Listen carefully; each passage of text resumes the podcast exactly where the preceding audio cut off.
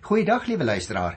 Verlede keer het ons begin met die boek 1 Samuel en ek het 'n kort inleiding daarop gedoen en toe ook die geboorte van Samuel en die hoofpriester vir Eli vir wie ons daar in die eerste hoofstuk ontmoet het met jou behandel. Nou vandag gaan ons sommer 'n groot stuk afbyt.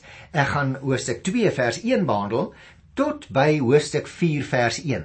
Die rede is eintlik omdat dit uh, in 'n sekere sin 'n uh, eenheid vorm. Ons kry hier naamlik 'n gebed van Hanna en dan die verhaal oor Eli se seuns en dan begin Samuel optree. Dit vorm natuurlik alles onder afdeling van die eerste hoofdeel en dit sal ons ook terselfdertyd aan die einde bring van die eerste hoofdeel van die boek Samuel wat in 5 dele ingedeel kan word. Nou wil ek dadelik eers 'n uh, opmerking hierso maak, liewe luisteraar, want uh, die eerste 11 verse van Hoofstuk 2 handel oor die loflied uh oor die Here wat dinge verander het in Hanna se lewe. Nou ek gaan hierdie loflied net kursories behandel. In hierdie loflied van Hanna word onder meer gesing oor die mag van God wat rolle en omstandighede kan omkeer, soos in haar geval natuurlik. Dieselfde saak het tussen hakies wil ek net vir jou noem. Uh kry ons ook in 'n baie bekende loflied van 'n moeder ook, naamlik die van Maria. In Lukas 1 vers 46 tot 55 daar kry ons ook die baie beroemde loflied van Maria in die Nuwe Testament. Nou ek wil dadelik met die eerste 3 versies van 1 Samuel 2 begin. En Hanna het gebid: Ek jubel in die Here. Ek is sterk in die Here. Ek lag my vyande uit. Ek is bly oor die uitkoms wat U gegee het. Daar is geen heilige soos die Here nie. Buiten U is daar nie een nie. Daar is geen rots soos ons God nie. Julle moenie in hoogmoed bly praat nie. Moenie aanmatigende dinge sê nie, want die Here is 'n God van diepe kennis. Dade word deur hom getoets. Nou 'n mens kan verstaan dat Hanna so begin sing nie waar nie luisteraars, want sy loof die Here as 'n rots. Nou dit is natuurlik 'n benaming waarmee daar dikwels na die Here verwys word in die Bybel. Jy sien, diegene wat die Here as hulle rots het, vind by hom sekuriteit en beskerming. Is dit nie waar nie? Ek wil graag glo dit is in jou lewe vandag ook so. En in my lewe is dit ook so dat die Here is vir my die rots van sekuriteit en van my beskerming. Natuurlik, liewe luisteraar, in 'n tyd van veranderings en onsekerhede, soek baie mense, elke mens eintlik maar, na sekuriteit. En nou sê die Bybel wonderlik hier dat dit nie te vind is in mag of in materiële welfaart of in genot nie, nie in prestasie of in tydelike emosionele belewennisse nie, hoor. Ware vastigheid kan 'n mens net verkry deur jou aan God, die rots, te verbind. So 'n verbintenis, liewe luisteraar, gee vir 'n mens sekuriteit, selfs al ervaar jy watter teëspoed in jou lewe. As dit met jou op hierdie stadium nie nie goed gaan nie, plaas jou voete op die rots, Jesus Christus. Hy alleen het die mag om wonderdade te doen en daarom noem Hanna hom ook hier in die 3de vers die Almagtige. Kom ons lees vers 4 tot Die boog van die magtiges is verbreek. Die wat gestruikel het, het nuwe krag gekry. Wie versadig was, moet hulle nou vir brood verhuur. Wie honger was, het oor genoeg om te eet. Die onvrugbare bring sewe in die wêreld, die een met baie kinders kwyn weg. En so sing Hanna verder. Ek gaan nie die hele lied vir u lees nie. Al wat ek wil hê wat jy moet oplet, liewe luisteraar, die woorde van hierdie verse kan van toepassing gemaak word op Hanna se verhouding met die hoogmoedige Penina deurdat God die onvrugbare, dis nou Hanna, 'n moeder van vele gemaak het. En daarom beklemtoon die lied juis dat God so totaal anders is as mense. Eerstens, die Here oordeel nie bloot op grond van wat mense sê nie, maar op grond van wat hulle doen.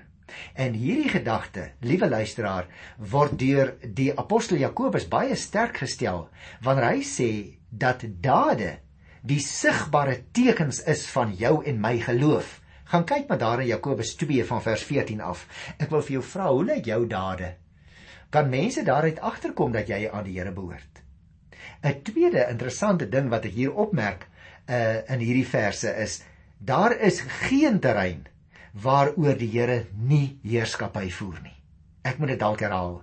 Liewe luisteraar, daar's geen enkele terrein in hierdie lewe waaroor die Here nie heerskappy voer nie. Niks is buite sy beheer nie. En daarom kan ons op hom vertrou ook in tye van onsekerheid. Of dit nou groot staatkundige vraagstukke is wat ons moedeloos maak of dit diep persoonlike kommer is, ons kan in elke omstandigheid op die Here vertrou. En daarom wil ek sommer vers 8 tot by vers 10 want dit is 'n lied, dit is liriese, poëtiese materiaal, dit is 'n lied wat gesing is, wil ek dit so in my eie woorde opsom en vir jou sê, diegene wat aan die Here behoort.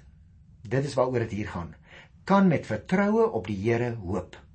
Of dit nou is 'n kinderlose vrou of 'n radelose koning, per slot van sake lê die sukses uiteindelik nie in eie prestasie nie Maar sukses, liewe luisteraar, lê by God. Dit lê in God se krag. En daarom wil ek die laaste paar woorde van hierdie lied vir jou lees hier in vers 10. Die wat teen die Here in opstand kom, word vernietig. Van bo uit die hemel verbrys hy hulle. Die Here spreek reg tot by die eindes van die aarde. Hy verleen krag aan sy koning. Hy gee sterkte aan sy gesalfde. Dis belangrike woorde hierdie liewe luisteraar want jy sien wie teen die Here in opstand kom so sing Hanna daardie persoon moet weet die Here toets daardie persoon se dade. Hy lag hom uit of selfs hy vernietig hom met sy oordeele uit die hemel. Die Here beheer alles tot by die eindes van die aarde maar ook alles in die hemelruim. Onthou jy vir Job 37 vers 7 daar staan dit ook Kom ek sê dit so. Liewe luisteraar, die Here is die wêreld skepper. Hy is die enigste God en daarom het hy beskikkingsreg oor alles en oor almal. En daarom vers 11 sluit so af na die lied. Daarna het Elkana na sy huis toe gegaan in Rama terwyl die seun Samuel die Here bly dien het onder toesig van die priester Eli. Het jy opgemerk? Samuel het nou onder Eli se toesig in die heiligdom begin werk en groot geword. Hy het bepaalde take in die heiligdom gehad, die priesterampt geleer en ook natuurlik al meer gevorder in sy kennis van die verordeninge van die Here. As 'n mens dus begin hier by 1 Samuel hoofstuk 2 by die 12de vers, dan sal jy sien daar begin eintlik 'n nuwe afdeling. Luister, dit begin so. Maar Eli se seuns, met ander woorde teenoor Samuel wat nou die Here gedien het daar in die heiligdom, sê vers 12, maar Eli se seuns was slegte mense. Hulle het nie met die Here rekening gehou nie. Nou hier begin dus 'n tweede verhouding. Die eerste verhouding in die eerste deel van die boek het gehandel oor Hanna en Samuel se verhouding met die Here. Nou hierdie tweede verhouding waarvan ons nou hier lees, is anders as die eerste een. Eers gaan dit oor Hanna teenoor Penina en nou is dit Samuel teenoor Eli se seuns. Later in die boek 1 Samuel wil ek net vir jou voorlopig daarop wys, gaan dit ook oor Samuel teenoor Saul. En nog verder in die boek, daarvan Hoofstuk 16 af gaan jy later sien, handel dit oor Dawid teenoor Saul. So dit is voortdurend kry jy hierdie teenstelling tussen verskillende mense in die boek 1 Samuel. En daarom, liewe luisteraar, in die lig van die voorafgaande, kan die leser dus alreeds vermoed waarop hierdie kontras uiteindelik gaan uitloop ten gunste van Samuel wat by die Here bly en hom dien teenoor Eli se seuns wat nie met die Here rekening hou nie. Daarom sien jy hier bo vers 13 is daar 'n klein opskrifie, die priesters se reg by die offer. Nou, 'n mens kan ook eintlik sê dit gaan hier oor die onwaardigheid van Eli se seuns, want jy gaan sien hoe gaan hulle nou optree. Jy sien, uh om die priesterampt te beklee, het bepaalde voorregte ingehou. En dit word met voorbeelde sowel as 'n kultiese eis geteken. Dit dien as 'n kontras vir die voorbeeldige optrede van die jonge Samuel hoe hierdie seuns van Eli opgetree het. Nou vertel die skrywer eers vir ons so ietsie oor die priesters se reg by die offer want ons moet eers verstaan hoe priesters behoort op te tree. Jy sien, die eerste voorbeeld is dat Eli se seuns slegte mense was. Ons het dit nou net geleer uit vers 12. En dit word gegee aan die hand van hulle optrede by die offer. Die priesters was naamlik geregtig op 'n deel van die offervleis. En in Silo is 'n praktyk gevolg waardeur die deel wat die priesters dan kry, beskou kon word as 'n deel wat deur die Here vasgestel is. Watter deel was dit? Die stuk wat deur die vurk opgetrek is. Nou kom ek lees dit. Die reg is vers 13. Die reg van die priesters teenoor die volk was so: Elke keer wanneer iemand 'n offer bring, kom die priester se slaaf met 'n drietand vurk in sy hand en wanneer die vleis kook, steek hy die vurk in die kastrol of die bak of die pot of die pan en alles wat die vurk optrek, vat die priester vir hom. Dit het hulle gedoen met al die Israeliete wat in Silo kom offer het. Met ander woorde, Die priesters het 'n bepaalde voorreg gehad. Die gebruik was dus dat die priesters 'n deel van die offerande moes kry deur 'n vurk in die gaarvleis te steek. Nou let op, dis belangrik in die gaarvleis te steek. Eli se seuns het egter uit die rou vleis hulle deel kom opeis omdat meer rou vleis aan 'n vurk vassit as in die geval van gaarvleis. Dit het hulle gedoen selfs nog voordat die vet wat die eintlike deel is wat aan die Here gewy is, verwyder is. Daarmee het hulle dus die Here geminag. Hulle die vleis gevat met die vet aan vir hulle terwyl die vet aan die Here geoffer moes word en as die vleis gekook is, dan het die vleis minder geword. So hulle bevoordeel hulle self. En baie interessant, Eli was heeltemal bewus hiervan. Kom laat ek dit vir jou lees hier van vers 15 tot 17. Maar nog voordat die vet aan die brand gesteek is, het 'n slaaf van die priester al gekom en aan die man wat offer gesê: "Gee vleis om vir die priester te braai." Hy neem nie gekookte vleis van jou aan nie, net rou vleis. Jy sien, daar begin hulle bedrog al. As die man dan vir hom sê: "Laat hulle tog eers die vet aan die brand steek, dan kan jy vir jou vat wat jy wil." Dan sê die slaaf vir hom: "Nee, jy moet dit nou gee, anders vat ek dit met geweld." En dan sê vers 17: Hierdie sonde van Eli se seuns was baie groot in die oë van die Here, want daardeur het die mense hulle agting vir die offer van die Here verloor. Merk jy op wat hier gebeur, liewe luisteraar? As gevolg van die optrede van Eli se seuns teenoor die mense dat hulle hulle self bevoordeel het, het die mense 'n wrok begin ontwikkel om offers vir die Here te bring. En dan kry ons 'n tussenspel wat handel oor Hanna se ander kinders maar Samuel. Jy sien dit staan dus radikaal diagonaal reg teenoor die optrede van Eli se seuns. staan hier, maar Samuel het die Here gedien.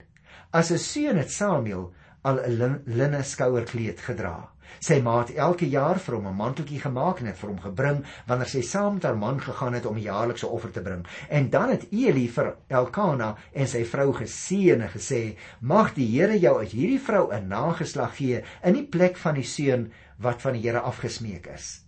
Daarna het hulle weer huis toe gegaan. Die Here het hom oor Hanna ontferm en sy het swanger geword en nog 3 seuns en 2 dogters gehad. Ondertussen het die seun Samuel voor die Here groot geword. Dit is dus duidelik, liewe luisteraar, dat Hanna deur die Here geseën is. Sy wat as onvrugbaar beskou is, het dus nie net vir Samuel in die wêreld gebring wat die Here gedien het nie, maar nie meer as dit. Sy het nog seuns en dogters ook in die wêreld gebring. Die 21ste vers sê dit duidelik. Die Here het hom oor Hanna ontferm. Jy sien, in teestelling met Eli se seuns, word ons nou van Samuel gesê dat hy die Here gedien het. Die linne skouerkleed waarvan ons hier gelees het, was die amptelike drag van 'n priester, sodat Samuel dus reeds van jongs af amptswerk verrig het.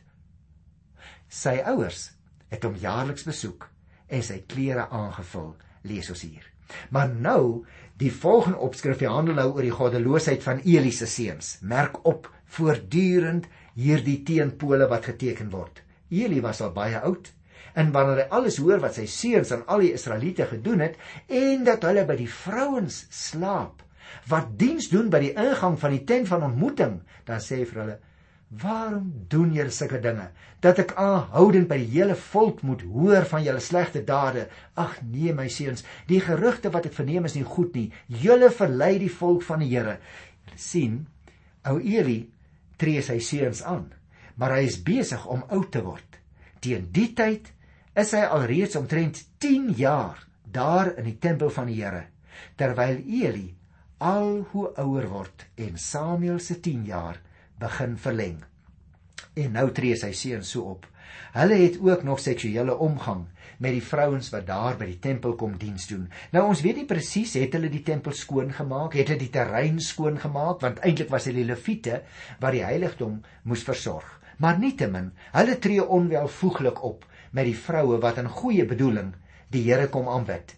En daarom kry ons nou van vers 27 die oordeelsuitspraak oor Eli se geslag want dit kan natuurlik nie so aangaan nie. En hierdie oordeelsuitspraak, liewe luisteraar, volg die bekende profetiese patroon, naamlik daar's gewoonlik eers 'n uiteensetting van die oortreding wat dan gevolg word deur die oordeelsuitspraak.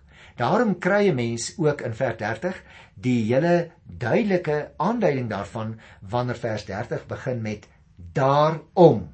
Met ander woorde, eers is nou gesê hoe verkeerd hulle opgetree het en dan word gesê Daarom vers 30 lewer die Here die God van Israel uitspraak. Ek het nadruklik gesê jou huis en jou nageslag sal my altyd in die tempel dien. So liewe luisteraar, ek dink as ek oorsigtelik 'n paar opmerkings ook hieroor mag maak, dan sou ek dit wou sê. Teen die agtergrond van die geskiedenis is die oortreding soveel erger. Want Eli se geslag is alreeds tydens die uittog uit al die ander families gekies om die priesterampt te beklee. So sê vers 30 dit ook. En tog minag hulle hierdie geëerde ampt. Eli is dus nie net hulle pa nie, maar hy's ook die hoofpriester moet ons onthou. En as sodanig het hy nagelaat om teen sy seuns op te tree as priesters, hoewel hulle so sondig opgetree het. En daarom moet Eli die volle verantwoordelikheid dra. Die hoofklag is dat hy hulle belangriker geag het as God se eer. Hy het met ander woorde hierdie wandade van sy seuns oorgesien. En hy was nie in die eerste plek daarop ingestel om die eer van die Here te beskerm nie. Daarom moet jy en ek ook onthou, liewe luisteraar, wanneer dit gaan oor God en sy eer, dan mag niks of niemand, selfs nie jou dierbaarste naasbestaande nie, 'n hoër plek in jou rangordelys inneem nie. Het jy vergeet wat die Here Jesus gesê het in Matteus 10 vers 37? Hy wat sy vader of moeder liewer het as vir my, is nie werd om aan my te behoort nie. Daarom moet ons hierdie woorde baie ernstig opneem, want die oordeel hier van vers 30 af is baie ingrypend. Ek gaan dit weer vir jou lees. Daarom lewe die Here die God van Israel uitspraak. Ek het nadruklik gesê, jou huis en jou nageslag sal my altyd in die tempel dien, maar nou sê ek die Here, dit sal nie gebeur nie, want die een wat my eer, sal ek eer en die een wat my minag, sal ek minag. Daar kom 'n tyd dat ek die priesterskap van jou en jou familie af sal wegvat en in jou familie sal niemand oud word nie. Jy sal in nood na my woonplek staan en kyk tussen al die weldade wat ek aan Israel bewys. In jou familie sal daar niemand ooit oud word nie. Nou liewe aarde, luisteraar, hierdie oordeel is geweldig ingrypend. Die priesterskap sal van nou Eli af weggeneem word en dit sal aan iemand anders gegee word. Sy afstammelinge sal jonk sterwe, lees ons, en net een sal nog toegelaat word om die ampt te beklee. Ek gaan nou nou daarby terugkom. Hy sal die voorspoed van Israel sien maar selfs hy sal dit net kan beny en sy nageslag sal moet bedel om bestaan. As teken van hierdie oordeel sal Eli self die onnatuurlike dood van sy twee seuns op een enkele dag belewe. Nou het ek vir jou gesê in vers 33 word daar ook weer 'n keer daarop gewys net een sal ek nie van my altaar afsny nie. Maar wanneer ek jou oë dof laat word en jou gees stil maak, sal die meerderheid van jou huis in die vleur van hulle lewe sterwe. Nou wie is hierdie een van wie hier gepraat word in vers 33? Net een sal die oordeel oorleef. Dit sou later blyk is Abjatar. Hoewel hy nog nie hier genoem word nie, sal Abjatar die een wees uit die geslag van Eli wat uiteindelik sal oorlewe. En uit hierdie een wat oorbly, van hom sê daar word daar gesê in vers 35 dan sal ek vir my 'n betroubare priester aanstel. Volgens my wil en wens sal hy handel en ek die Here sal vir hom 'n bestendige nageslag gee. Hy sal vir altyd diens doen as my gesalfde priester. Nou liewe luisteraar uit hierdie een dan wat oorbly wat in vers 33 ook genoem word kom wel nog iets van die Eli huis se priesterskap tereg maar 'n ander sal die leierskap oorneem naamlik Sadok Ons gaan hom eers teekom in 2 Samuel 8 vers 17 en hy sal dan doen wat die Here van sy priesters verwag. En die Here gaan homself en hy gaan hom as 'n goeie priester gedra. 'n Hoë priester is aan God se diens gewy deur hom te salf. En dit sal dan eers later in die geskiedenis gebeur met ou Abiatar en Sadok. Daar wil ek graag so 'n paar opmerkings maak uit die derde hoofstuk wat jy sien as jy die Bybel voor jou het, hy eindig eintlik by die eerste vers van hoofstuk 4. Daarom kry ons nou hier die begin van die eerste openbaring aan Samuel. Liewe luisteraar, die waardigheid van die seun Samuel as profeet word nou begin beklemtoon. Eli en sy seuns is dus onwaardig vir die ampt, maar die klein Samuel is waardig. So waardig dat die Here selfs openbarings deur hom gee ten opsigte van die Eli geslag se uiteinde. Nou hier kry ons dan sy eerste openbaring. Luister by vers 1. Die seun Samuel het die Here gedien onder die toesig van Eli. Die woord van die Here is in daardie tyd baie min gehoor. Daar was nie dikwels openbarings nie. Met ander woorde, die skrywer wil eers vir ons bekendstel aan die situasie van daardie tyd as gevolg van die ontrou aan die Here. En dan sê vers 2 en 3: Eli se oë het al begin swak word en hy kon nie meer sien nie. Vroeg een môre het Eli nog op sy slaapplek gelê en die lam van God het nog helder geskyn. Samuel het ook nog gelê in die tempel van die Here waar die ark van God was. En toe roep die Here na Samuel. Samuel het geantwoord: "Ek kom." Hy het na Eli toe gehardloop en gesê: "Hier is ek want u het my geroep." Maar Eli sê: "Ek het nie geroep nie. Gaan lê maar weer." en Samuel het gaan lê. Die Here het 'n tweede keer na Samuel geroep. Hy het opgestaan en Eli toe gegaan en gesê: "Hier is ek, want u het my geroep." Toe sê Eli: "My seun, ek het nie geroep nie. Gaan lê maar weer." Maar Samuel het nog nie die Here geken nie, want die woord van die Here was nog nie voorheen aan hom geopenbaar nie. Nou, liewe luisteraars, mens sou nou seker verwag dat die Here se boodskap tot die priester Eli sou kom en nie tot die onervare kind Samuel nie. Want jy sien, nie alleen was Eli ouer en baie meer ervare nie, maar hy het ook die gepaste amp van hoofpriester bekleë. Die Here se opdragte hang egter nie af van posisie of van ervaring nie, hoor, maar van toewyding. Daarom gebruik die Here soms persone wat ons nooit uit ons eie gedagtes sou dink die Here werk deur hulle nie. Dit skep natuurlik ruimte vir die nederige persoon om 'n werktuig in die Here se hand te word. Nou Samuel was nie gewoond daaraan dat die Here deur hom praat nie, daarom het hy nie verstaan wat gebeur nie. Hy het nog nie die Here geken nie. So druk die Bybel dit uit. Beteken nie dat hy ongelowig was nie, maar die werksaamheid van die Here deur sy lewe, dit het hy nog nie geken nie. En daarom lees ons hierso aan die einde van die hoofstuk van vers 11 af, die Here sê toe vir Samuel: Ek gaan 'n ding in Israel doen wat elkeen wat daarvan hoor, se twee ore sal uit. Op 'n sekere dag sal ek vir Eli alles voltrek wat ek oor sy familie aangekondig het van begin af tot einde. Ek het aan hom bekend gemaak dat ek sy familie vir altyd gaan straf oor die ongeregtigheid waarvan hy geweet het. Ja, toe sy seuns die vloek oor hulle gebring het, het hy hulle nie bestraf nie. Daarom bevestig ek nou met 'n eed aangaande die familie van Eli. Die ongeregtigheid van Eli se familie sal sekerlik nooit deur diereoffer of graanoffer versoen kan word nie. Die Here maak dus aan Samuel bekend want hy sê praat Here u dienaar luister daar in vers 10 en dan maak die Here aan hom bekend hoe die einde van Eli en sy geslag gaan wees. Ten slotte wil ek vir jou wys op vers 19 en vers 21 tot by Hoofstuk 4 vers 1. Samuel het groot geword. Die Here was by hom en nie een van Samuel se woorde is onvervul gelaat nie. Die hele Israel van noord tot suid het gemerk dat Samuel betroubaar was as profeet van die Here. Die Here het toe weer in Silo verskyn, want hy het hom in Silo aan Samuel geopenbaar deur die woord van die Here. Samuel se woorde was aan die hele Israel gerig. Is dit nie wonderlik nie dat hierdie eerste deel van die boek so eindig? Met ander woorde dat Samuel by die tempel groot geword het, dat hy voor die Here gelewe het en so word dit sê die eerste vers hier in Hoofstuk 4, so word dit deur die hele land bekend dat hy 'n betroubare profeet van die Here is, deur wie die Here in Silo met die hele Israel gepraat het. Jy sien, liewe luisteraar, wat in die deel oor Samuel vertel word, is 'n samevatting van sy werk, maar dit staan eintlik maar nog aan die begin van die groot werk wat voorlê.